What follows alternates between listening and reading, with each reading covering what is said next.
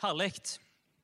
Du, jeg har, lyst å, eh, å sette fokus denne søndagen her på et møte med Jesus som forandrer alt. Eh, for det er det det handler om. Eh, det er det det handler om når en gjør kirke. Det er det det handler om når en etablerer en ny forsamling i Stavanger.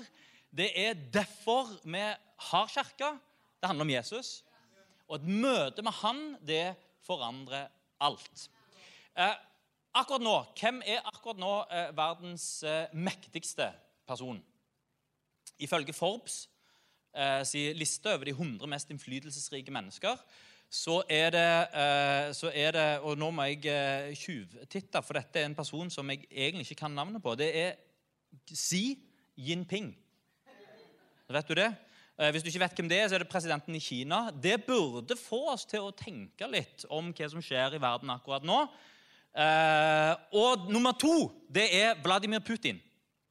Det burde iallfall få oss til å tenke over hva som skjer i verden nå. Nummer tre det er Donald Trump. Eh, så det, Her har vi en fin bukett. Nummer fire er eh, da den mektigste kvinnen, Angela Merkel.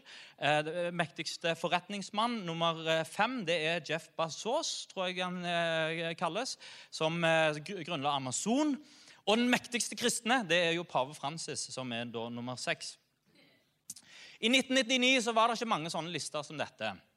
Eh, men det som var utvilsomt den mektigste personen i 1999, det var selvsagt Bill Clinton. Noen tenkte det var Bill Hybels. Det var det ikke. Bill Clinton. Eh, han var ikke bare veldig mektig. Eh, han, han En enorm karisma. Eh, rundt hele personen hans og, og, og eh, en posisjon som var mektig. Eh, han var eh, likt både av de som likte han og likte det han sto for, og de som ikke likte det han sto for, fordi han som person var ekstremt karismatiske. Særdeles populære. Hans minste bevegelser de ble fanget opp av kamera og ble, eh, ble overskrifter over hele verden. Eh, og Bill Clinton, han, eh, altså Grunnen til at jeg tar opp 1999, det var at da var han i Norge. Og det var, det var, det var som ski-VM. For hele Norge var i gatene i Oslo. Alt ble stengt av. Alle var for å ta imot Bill Clinton, for òg i Eh, I landet hvor en ikke alltid elsker eh, Amerika, så elsker alle Bill Clinton. Vi skal, få, eh, se, vi skal se et bilde fra Bill Clintons møte i, når han kom til Oslo. For han gikk på parade gjennom gatene. Og utenfor Slottet så stoppet han opp for å hilse Selvsagt, for det gjør jo dette, har, dette lærer du på presidentskolen. Eh, du skal ta opp et lite barn, eh, og så skal du hilse på noen tilfeldige i, eh, i, i, eh, i liksom mengden eh, for å vise at jeg er en av folk, og jeg ser, jeg ser hver enkelt. Og Han stoppet opp og lente seg eh, over og hilste da på den tilfeldige personen som sto der, som var den 26 år gamle førskolelæreren Ingeborg Helldal. Dette møtet varte bare noen sekunder. Bill Clinton sier hei, tar henne i hånda, eh, ser henne inn i øynene og går videre. Men noen fanget opp dette på kamera. Eh, og eh, bildet, dette bildet her gikk over hele verden. Eh, og Ingeborg Heldal, hennes førskolelæreren, hennes tilværelse ble snudd på hodet. Plutselig så var hun på TV 2 og ble intervjuet. Hvordan var det å treffe Bill Clinton? Fortell om ditt møte med Bill Clinton. Og Ingeborg Heldal hun fortalte om og, og, og, og hvordan inntrykk dette møtet med denne karismatiske, eh, denne karismatiske mannen var. Eh, og Hun ble intervjua i aviser, TV, eh, kom på forskjellige talkshow. Eh, og hun ble, hun ble faktisk populær. Hun videreutdanna seg etterpå dette. Så tenkte nei, men jeg elsker jo TV. Eh, så Hun videreutdanna seg eh, fra førskolelærer til å bli journalist og ble tildelt programlederjobber i Norge. Eh, og Hun endte opp som redaktør i Kosmopolitan. Og, endte nå, og, nå er hun, og nå er hun redaktør for KK fra 2017. Altså Hennes møte med Bill Clinton, dette håndtrykket, dette blikket, det som varte noen sekunder, snudde opp ned på denne 26 år gamle eh, eh, førskolelæreren sitt liv. Ikke bare det, hun oppdagte noen gaver i seg sjøl som hun kanskje ikke visste var der. Det førte til en ny utdannelse, det førte til en ny posisjon, og det har helt fram til denne dag påvirka hennes liv. Hvorfor? Clinton sin karisma smitta over på Ingeborg Heldal. Og ga livet en helt ny kurs. Tenk på når et kort møte på noen sekunder kan ha en så dyp innflytelse på et menneskes liv. Når det er, det er et møte med en høyst feil... Dette vet vi. Det er en høyst feilbarlige mann. Men et møte som forandrer en hel livskurs. Et møte med Jesus det forandrer absolutt alt. Guds karakter, hans personlighet, hans allmakt, hans kjærlighet, hans nåde, hans karisma. Det smitter over på den som får dette håndtrykket og dette blikket. Og det forandrer alt. Det setter deg i kontakt med gaver og talenter du ikke visste du hadde. Og et møte med Jesus det gir livet en helt ny kurs.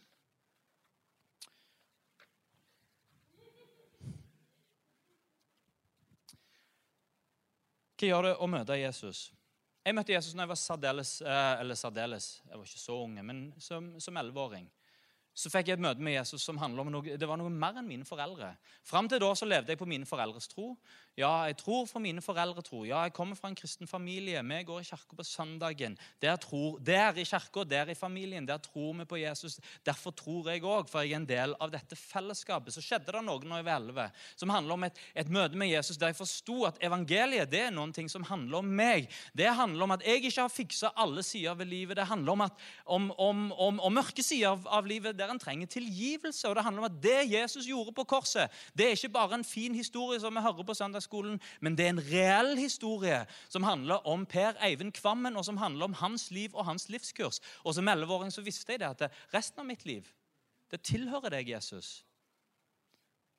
Og I tidlig 20 år så hadde jeg et sterkt møte med Jesus som satte seg, det satte seg fast. Uh, og som uh, og som førte til at jeg oppdaget gaver som jeg ikke visste jeg hadde. Eh, og der livskursen ble endra. Og jeg må si det, det var ikke det livet jeg hadde planlagt å leve. Jeg er egentlig motvillig pastor. Jeg sa I 20-åra sa jeg tre ting. Jeg skal ikke være pastor. Jeg skal ikke bo i Sandnes. Jeg skal ikke gifte meg med noen utenfor landet. Kona mi Vesna kommer fra Makedonia. Jeg bor i Sandnes, og jeg er pastor. Og så tenker du dette høres helt forferdelig ut. En, en, en, ender opp med å gjøre det en ikke hadde lyst til å gjøre. Vet du hva, Det er helt nydelig.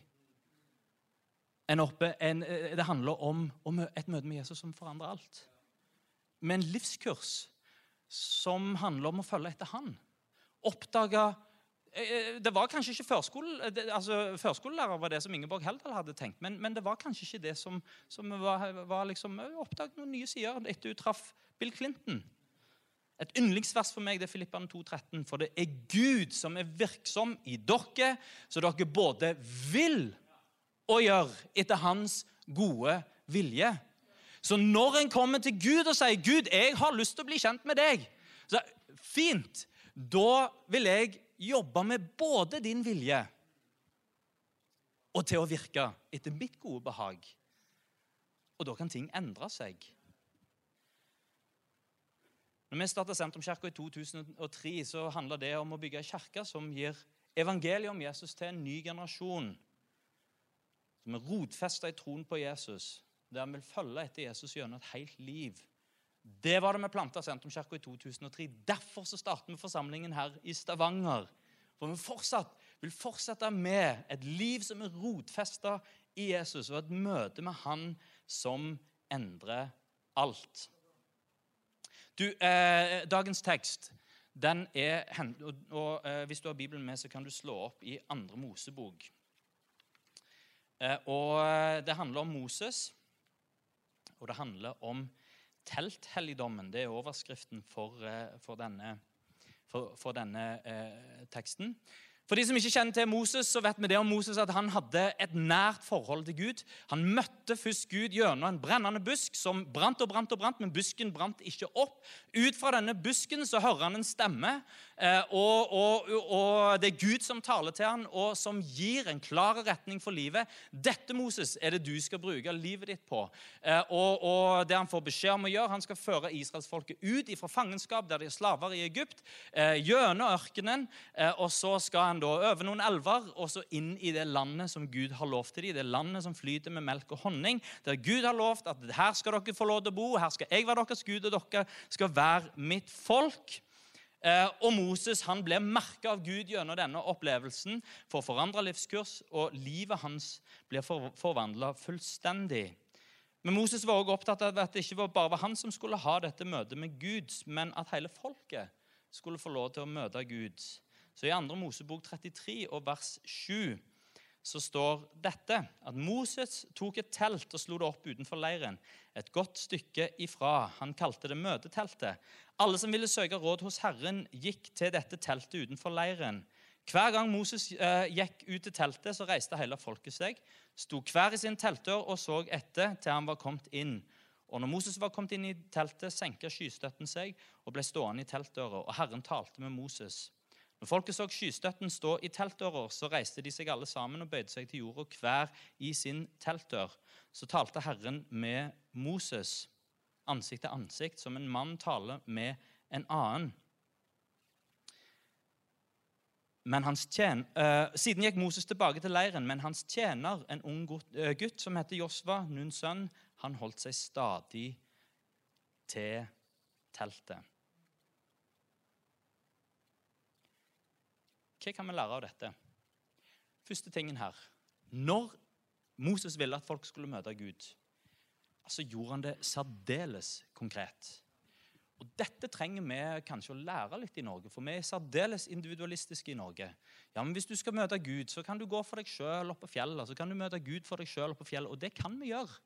Eh, og En kan stenge seg inne på rommet sitt og en kan be og søke Gud, og en kan møte Gud der, men det er noe veldig bra i det som Moses gjør her. Han setter opp et telt. Så sier han dette her er møteplassen. Her skal vi møte Gud. Veldig konkret. En synlig møteplass. Og det er mitt første poeng her. For Sentrumskirka Stavanger er en synlig møteplass. Her kan en få lov til å møte Jesus. Du lyst, er du nysgjerrig på hvem Jesus er? Kom og se! Det er en møteplass. Det er en plass hvor en kan få et blikk av hvem han er. Det som var med dette teltet, og som en ser videre i utviklingen Først var det telt, så, det, så lagde de tabernaklet, som, som, var et enda flottere telt. og Så ble det til tempelet. Eh, alle disse her, det, det, det var utsmykka, og det var vakkert. Eh, det var ikke bare en synlig møteplass, men, men, men det, var, det, var, en vakker møteplass. Og Det er noe med det å skape et, et vakkert, at Kirka blir et vakkert fellesskap. Et fellesskap som det er godt å være en del av. Det gjorde inntrykk eh, for min del å lese et intervju med ei som, eh, som heter Tone Høgland. Som eh, tok doktorgrad i sosialantropologi. Og, og, nå når han tar doktorgrad i sosialantropologi, så handler det kanskje ikke om å dra til, til Hva de heter de som hopper så høyt ned i Kenya? Masaiene. Eh, men da drar han til pinsevennene eh, og så studerer han hva er det pinsevennene gjør. for noen ting. Eh, det må jo være interessant, så Hun har tatt doktorgrad, hun har studert en, doktorgrad i sosialantropologi, der det er frikirkeligheten og pinsebevegelsen som hun har blitt ekspert på. Hun sier om seg sjøl at hun var full av fordommer mot kristen tro og mot kristne. Men det skjedde noe i møte med ei venninne som hun studerte sammen med, som fortalte som hun, hun, visste ikke det med en gang, men så fortalte hun at hun trodde. Og Da måtte fordommene bare, eh, de måtte bare falle ned. For det, denne personen som hun ble kjent med, stemte jo ikke overens med fordommene som hun hadde mot kristen tro. Det gjorde at hun ble så nysgjerrig at det var eh, dette jeg har lyst, har lyst til å skrive, eh, skrive oppgaven sin rundt. Og Så ble hun del av ei kirke i Oslo i mer enn et år, ett eller to år. Eh, og fikk være med på alt. På gudstjenester, på linkgrupper, på ungdomsmøter, med inn i søndagsskolen, med vi er på ledermøter, seminarer, og var rundt og skrev og ble kjent med folk og drakk kaffe med folk. Eh, og det som, som hun sier da, at det, det, det, det bare forandra hennes liv. Hun hadde aldri vært på kristne møter før dette. Men etter å ha vært i denne menigheten i Oslo i et år, så begynte hun å like det og likte det så godt at hun begynte å ta med venner på gudstjeneste for at de òg skulle få erfaringen av dette møtepunktet der en kan møte Jesus. Og at her er det godt å være, for dette er et vakkert fellesskap. Eh, og hun sa det var så kjekt å skrive denne doktorgraden, for da hadde jeg en unnskyldning hver eneste uke, selv om jeg ikke tror, til å komme tilbake igjen til dette fellesskapet og være med på alt som skjedde. Og nå når jeg er ferdig med å skrive doktorgraden, så er det triste er at nå har jeg ikke unnskyldning, men jeg vil fortsette å komme. For det er så godt å være en del av fellesskapet. Og det er jo også, sier vi videre, det har gjort noe med mitt åndelige liv òg. Og det har gjort noe med troen min. Sier ikke da at en har kommet til tro eller kommet helt eh, fram, men avfeier heller ikke. For her er det noen ting som jeg har fått erfare gjennom denne møteplassen. En synlig møteplass som er vakker. Synlig og vakker kirke som gjennom vakker tilbedelse løfter opp navnet Jesus. Gjennom vakkert fellesskap komme nær hverandre og dele autentiske liv. Det er godt å være en del og har forhåpentligvis vakker kommunikasjon når, eh, når en presenterer hvem Jesus er. Den andre tingen vi ser her, er at dette er en møteplass som gir hjelp til hverdagen. Eh, og eh, her kan vi lese at alle som ville søke råd hos Herren, de kom til møteteltet. Så eh, møteteltet var noe mer enn bare å møte Gud. Det handla, altså Søndagen eh, handla om mandagen. Hvorfor kom israelsfolket og stilte seg der i døråpningen? Og der som Gud møtte Moses, og der det var mulig å møte Gud? Jo, for de hadde utfordringer i livet sitt. Eh, en av de lurte på hva skal jeg gjøre med den eh, dødssyke kamelen min. Eh, en annen hadde problem i ekteskapet. En tredje syntes det var utfordrende med ungene. Og, og, og, og en fjerde var lei av sand. Og, det var all slags, og, en femte var kanskje lei av, av manna. ikke vet jeg, men, men, de hadde utfordringer i forhold til sin hverdag. Kanskje var det lekkasje i teltet. ikke vet jeg. Men de kom der for å søke råd hos Herren. Og det syns jeg er vakkert. Når Kirka gir veiledning for hverdagen Jeg må jo si det for min egen del. så Jeg, jeg liker filosofi. Eh, jeg elsker å lese eh, tunge bøker med innvikla titler på. Eh, som, som, eh, som, som, ikke nødvendigvis gir 100% mening før en har liksom lest hele boka. Eh, jeg liker å få ting til å gå opp. Og For meg så er det særdeles viktig at den kristne troen gir mening eh, foran alle ting. Eh, det må gi mening. Jeg er sannhetssøkende. Hvis ikke den kristne troen er sann, ja, da kan den være så bra som den bare vil. Da gidder jeg ikke. Hvis den kristne troen er sann, ja, men da vil jeg. Litt uavhengig av konsekvensene. For jeg vil leve etter det som er sant, og etter det som gir mening. Og for meg så er det altså, Det gir ikke mening uten Gud. Eh, det er sånn som Jonas Gahr Støre. Han hadde et eh, flammende vitnesbyrd om sin tro. Eh, det var ikke veldig flammende, det var veldig forsiktig. Han, og hans tro er jo òg ikke veldig flammende og òg veldig forsiktig. Men han sa dette. Uten Gud så klarer ikke jeg å få ligningen til å gå opp. Og vet du hva? Jeg klarer ikke det. Jeg klarer ikke med min beste vilje å få ligningen til å gå opp uten Gud. For meg så koker det ned til og Jeg har lest innvikla bøker om dette. Eh, det koker ned til to ting. At enten så har verden, universet og livet alltid vært til. Og da, er, da, da trenger vi ikke Gud. Eller så har verden, universet og livet en begynnelse. Da har vi en Gud som er fra evighet. For det går ikke at alt vi ser, kommer ut av ingenting. Enten så har det alltid vært til, eller så fins det en Gud som alltid har vært til. Og for meg så er det veldig enkelt. Jeg lærte om Big Bang på, på videregående. Med at ja, vi vet at det har en begynnelse. Så ja, men det gir mening. Det er svaret på hvorfor evigheten er et begrep som vi forholder oss til, og som vi egentlig ikke har problem med. Vi har større problem med å tenke oss at noe bare stopper, så er det svart etterpå. Så Når han snakker om, om universet som uendelig, så er det ja, fint det. Universet er uendelig. For det vi klarer liksom ikke se for oss at det, der stopper universet, og så står det et skilt her stopper universet, og så er det liksom på andre sida ingenting. Det er uendelig. Uendelighet er et begrep. Vi lærer det i matematikken til og med. Matematikken gir ikke mening hvis du ikke har uendelighet som et begrep. Så for meg det, det er så viktig at det henger sammen. At, at en kan forklare Gud logisk, at det gir mening. Eh, og, og Dette er jo svaret på hvorfor menneskeheten over hele verden Det er ikke ei ku i verden som går i kirka for å tilbe. Heller ikke en katt. Ikke hunder engang, som er menneskets beste venn.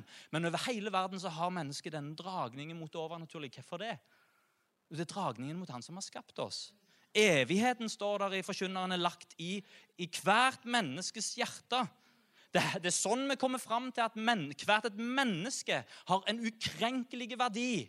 Vet du hva? Logisk sett så har mennesket ulike verdi. Logisk sett. Ja, for Du produserer mye, så du har stor verdi. Du produserer nesten ingenting, så du har litt mindre, kanskje liten verdi. Du er en belastning, så du har minusverdi. Og det er dette samfunnet her vi er på, verd, er på vei inn i, sorteringssamfunnet. Der vi sorterer vekk de som, som tenker har litt mindre verdi, de som, som ikke bidrar, eller som, som, som er på minussida. Hvor kan vi forankre alt dette? Vi kan forankre det i Gud. Første side av Bibelen så skapte Gud mennesket. Skapte mennesket i sitt bilde. Til mann og kvinne skapte han dem. Og så finner en her Å, det, for meg så gir det mening. Det gir trygghet. Det gir rammer. Det gir noe å forholde seg til. Men jeg innser at for de aller fleste Du kan snakke om dette til du blir blå i ansiktet, eller rød i ansiktet. Eh, men det er ikke dette som kobler på folk, for det er en opptatt med sin hverdag. Og Hverdagen handler om at jeg skal få liksom, tida mi til å strekke til. Jeg skal forholde meg til kona mi eller mannen min, jeg skal forholde meg til ungene mine. Jeg skal forholde meg til storsamfunnet rundt, jeg skal forholde meg til det ene sykdom. skal jeg forholde meg til vanskeligheter, skal jeg forholde meg til oppturer og nedturer. Og så er det en hverdag som vi går og kverner i. Og det gjør, jo, det, det, det gjør vi jo alle sammen. Det er hverdagen som vi går og kverner i. Og så er Gud der òg. Og så kan en gå til Gud og søke råd og veiledning for min hverdag og min situasjon akkurat nå, som ser så ubetydelig ut.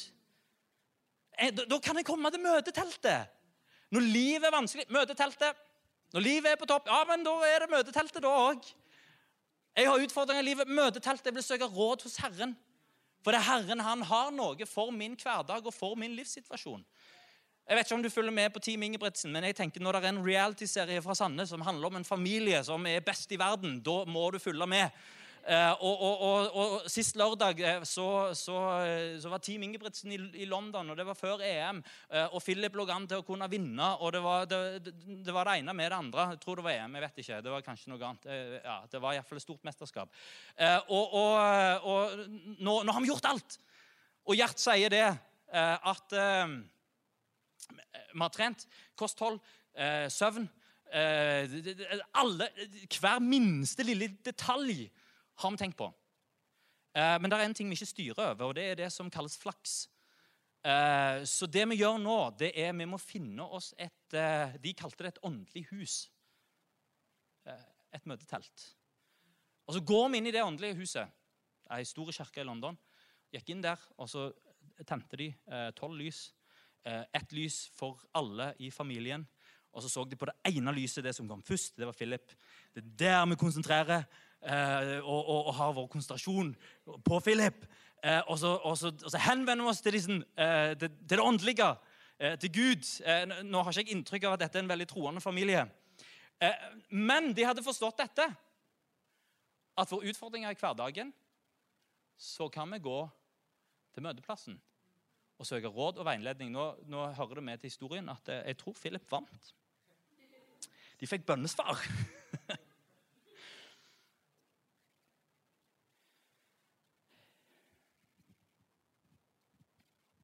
Jeg liker dette med kirka. Kirka er aktuell for min og din hverdag.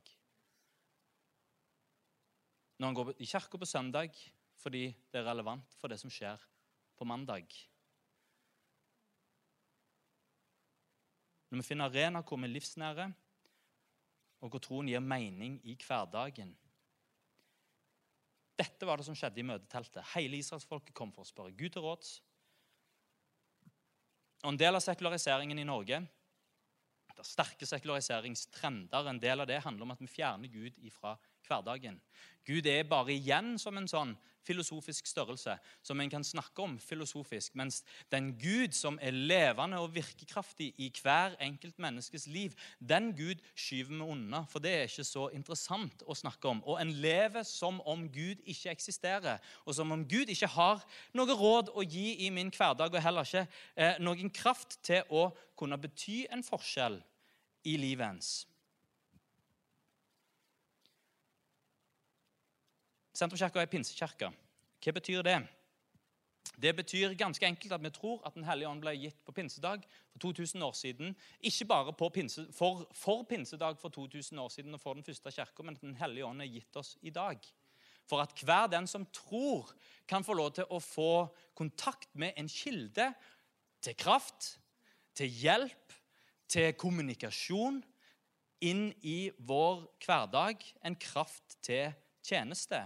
Det er en enkel tro på at Gud han, han, er ikke bare der for å gi mening, men han utruster den som tror på han, med sin kraft, med gaver som du ikke visste du hadde, med en retning som en kan få lov til å gå i, med å få lov til å være med og bety noe for andre.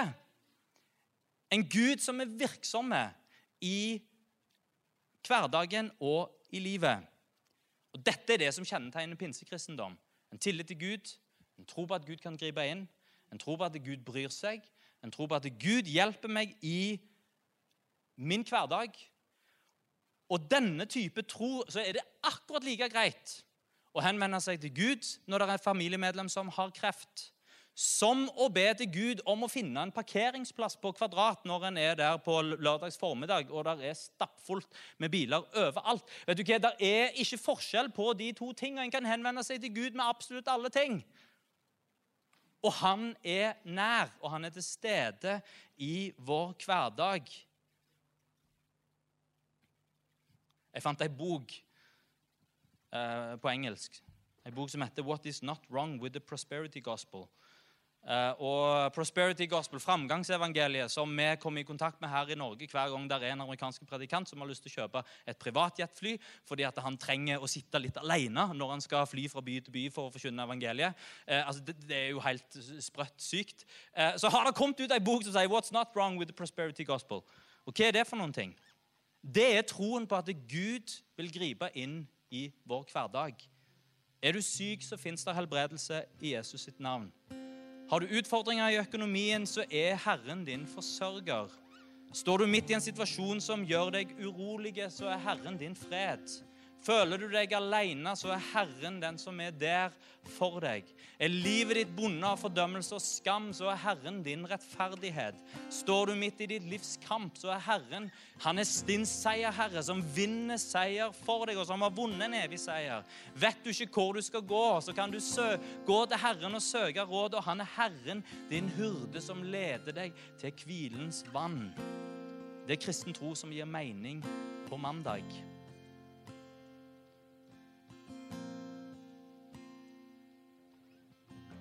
Jeg vil at vår forkynnelse skal være grundig. Jeg vil at den skal være bibelsk funderte. Det skal skape ettertanke, være sentrert rundt evangeliet og ha det som det sentrale. Ikke hva du må gjøre, men hva Gud har gjort for oss. Og leve ut ifra friheten som fins i evangeliet, og nåden som fins i evangeliet.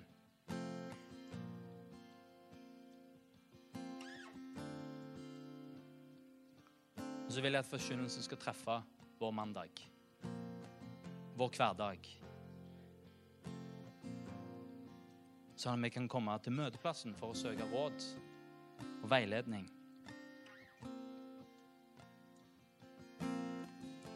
Den tredje tingen jeg hadde lyst til å ta med når vi går inn for landing her, det er at denne møteplassen har en livsforvandlende atmosfære. Det står om Josva, Nuns sønn, Moses sin unge tjener og apprentice, at han var alltid i teltet. Han forlot ikke teltet. Han var alltid der. Hva var grunnen til at eh, Josva gikk inn i teltet, og så ble han værende? Det var den atmosfæren av Gud. Og den atmosfæren er attraktiv. Og For Josva sin del så var det helt avgjørende for hans livskurs. Han møtte Gud i møteteltet. Det satte preg på han. Han lærte Gud å kjenne, lærte å stole på Gud. Lærte at det når jeg tror på Gud, så kan jeg se på omstendighetene mine annerledes. Der de andre så problemer, så så Josfa òg de samme problemene, men så så jeg men Herren er med oss. Der en så store byer med store murer som skulle inntas. Og, å, det, ah, dette går ikke. Så så Josfa ja, men Gud, han er mektig. Derfor ble Josva denne lederen som førte israelsfolket inn i landet som Gud hadde kjent, som Gud hadde for dem, fordi han hadde lært Gud å kjenne i denne atmosfæren, livsforvandlende atmosfæren av Gud. Vågde å tro og vågde å satse. Tenk om atmosfæren rundt dette møteteltet, Sentrumskirka Stavanger, kan være sånn at den er livsforvandlende. Han møter Gud i tilbedelsen, i forkynnelsen, i fellesskapet.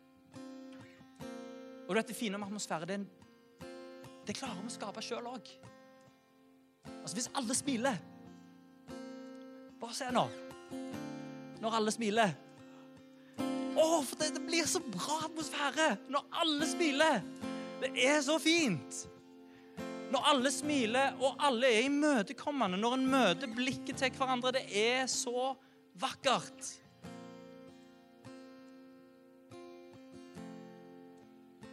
Når en er lidenskapelige, når en er engasjerte, når en er vennlige. Når det en gjør, er sømløst og vakkert, og en gjør det skikkelig. Da skapes der atmosfære. Men tenk i tillegg til den atmosfæren. Den kan skapes på enhver kafé. På ethvert idrettsarrangement. Men nå i tillegg til det at Gud får lov til å være der og gjøre det som han vil.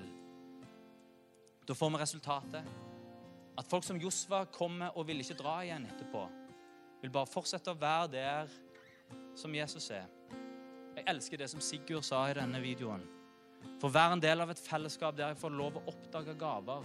Fått lov å være med på noe som gir retning for livet mitt. Der jeg får lov til å være med og bety noe for andre. Der det er en relasjon, og der fins et familiemiljø som jeg kan være en del av. Der noen kommer med ting til meg, og der jeg kan få lov til å være med og gi noe videre. Og få lov til å være med og bety noe for noen. Jeg er så takknemlig for mitt møte med Jesus i 20-åra. Som satte preg på livet mitt, og som ga mitt liv en ny kurs. Mark Twain han sier det er de to viktigste dagene i livet ditt er dagen du ble født, og dagen når du finner ut hvorfor.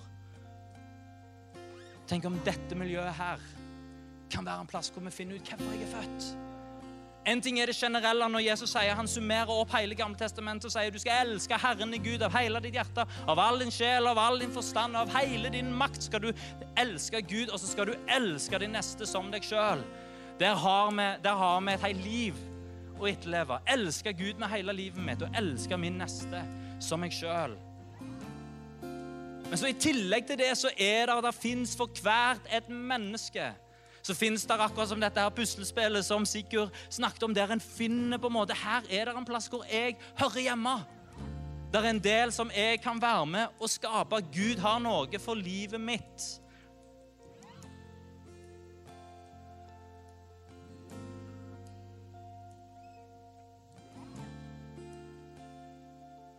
La oss sammen være med å skape det miljøet som blir en møteplass for Gud og for mennesker. For, mellom Gud og mennesker. Kanskje vi ta oss og reiser oss?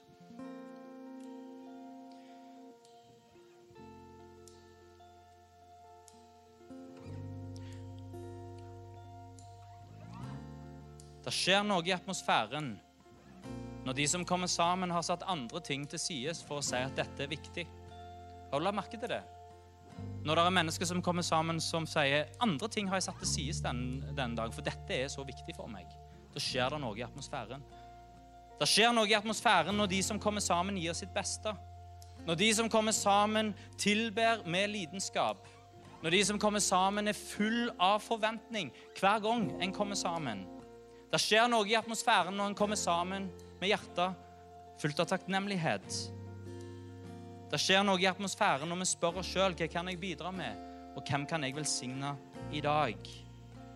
Og det skjer noe i atmosfæren når de som kommer sammen, har sentrert sitt liv rundt Jesus, gjort Jesus til herre i livet sitt, og sier det er dette jeg vil leve for. Jeg vil tro på Han, og jeg vil at Han skal være sjef i mitt liv. Og Jesus han er her. Han er her akkurat nå. Dette er møteplassen. Vi kan komme for å søke råd. Vi kan komme for å møte han.